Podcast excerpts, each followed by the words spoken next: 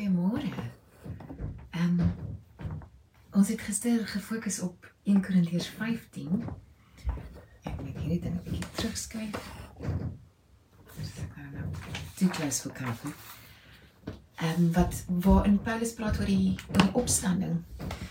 Die opstanding as iets wat nie noodwendig begryp kan word nie, iets iets waarvoor daar nie ehm um, diagramme bestaan nie maar wat amper te werklik is vir ons om ons om ons gedagtes daar rondom te kry. Maar ons weet dan ook dat ons nie noodwendig alles hoef te begryp om om aangegryp te word daardeur nie. Paulus skryf in 1 Korintiërs 15 hy sê maar iemand sal sê hoe word die dode opgewek en met hoe danige liggame kom hulle dwaase mens wat jy saai word nie lewendig as dit nie gesterf het nie. En wat jy saai jy saai nie die liggaam wat sal word nie maar 'n blote korrel byvoorbeeld van koring of van iets anders.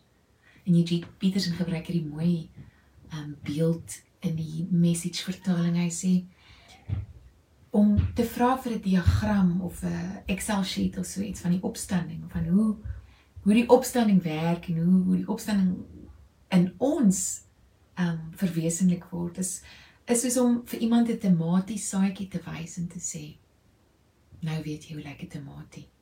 Was nie 'n manier nie. En dan sê hy ook hoe hoe mooi is dit ons daar's so baie um mense en hemelliggame, die sterre, die die die maan, die son waarna ons kan kyk en gaan hierdie is net die saad. Hoe mooi gaan die gaan die plante en die bome en die blomme wees wat eendag opkom. Ek wil die gedig lees wat ek gister in die erediens gelees het. Um dis the holy longing wat oorspronklik deur Johann Wolfgang von Goethe geskryf is en uit die Duits uitvertaal deur Robert Bly vir ons vir 'n paar minute stil word. Tell a wise person or else keep silent because the mass man will mock it right away.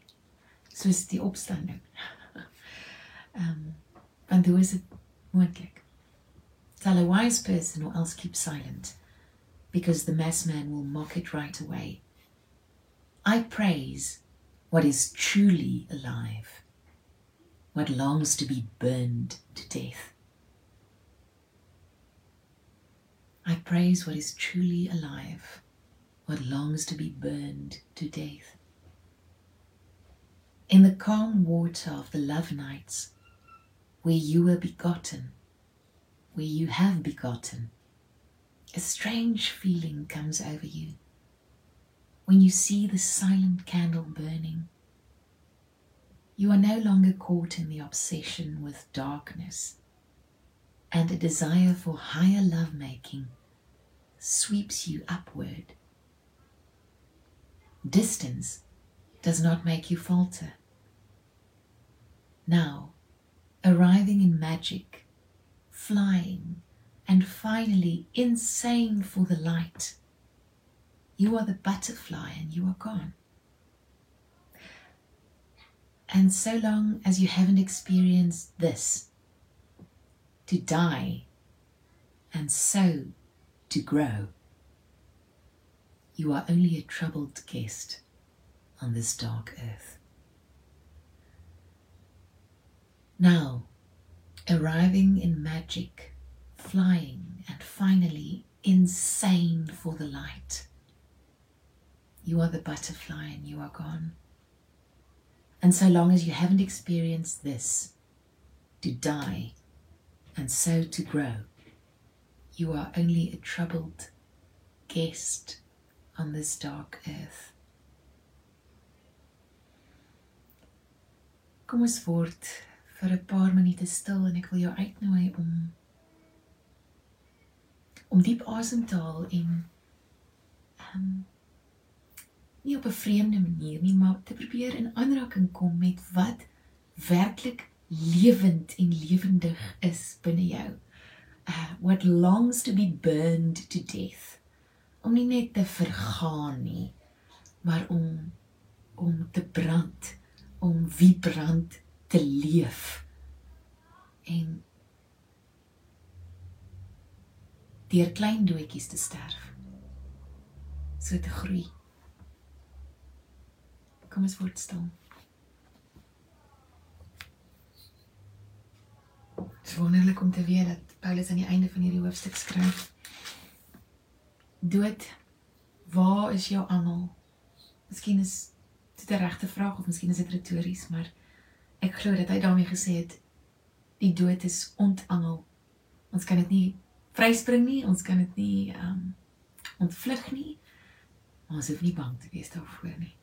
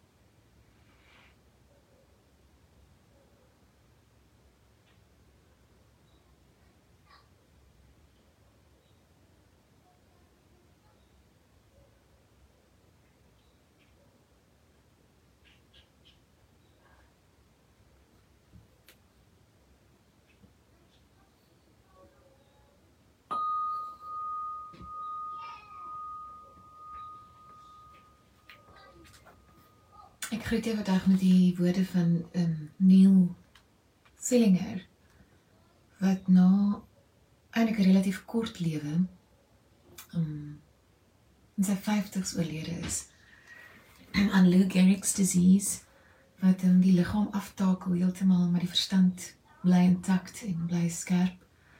En um Sillinger was 'n ou wat marathons gehardloop het en 200 Bruce Springsteen konserte bygewoon het en 'n baie suksesvolle prokureer en toe gebeur hierdie met hom en hy word ingeperk in sy eie liggaam.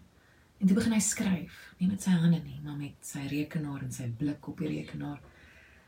En hom hierdie hierdie woorde hou aan om my te inspireer en te stig op maniere wat ek nie heeltemal verstaan nie, maar wat ek instinktief weet is waar. As my muscles weakened, my writing became stronger. As I slowly lost my speech, I gained my voice. As I diminished, I grew. As I lost so much, I finally started to find myself.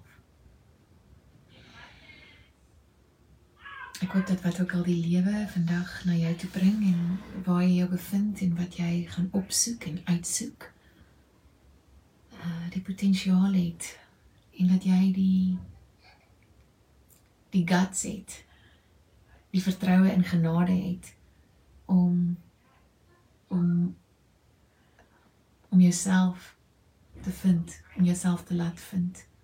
Um insane for the light mal vir die lig om nie tevrede daarmee te wees om net 'n 'n 'n grondpot gas op hierdie donker aarde te wees nie om dit werklik te bewoon. Al is die wêreld ons woning nie. Mooi week vir julle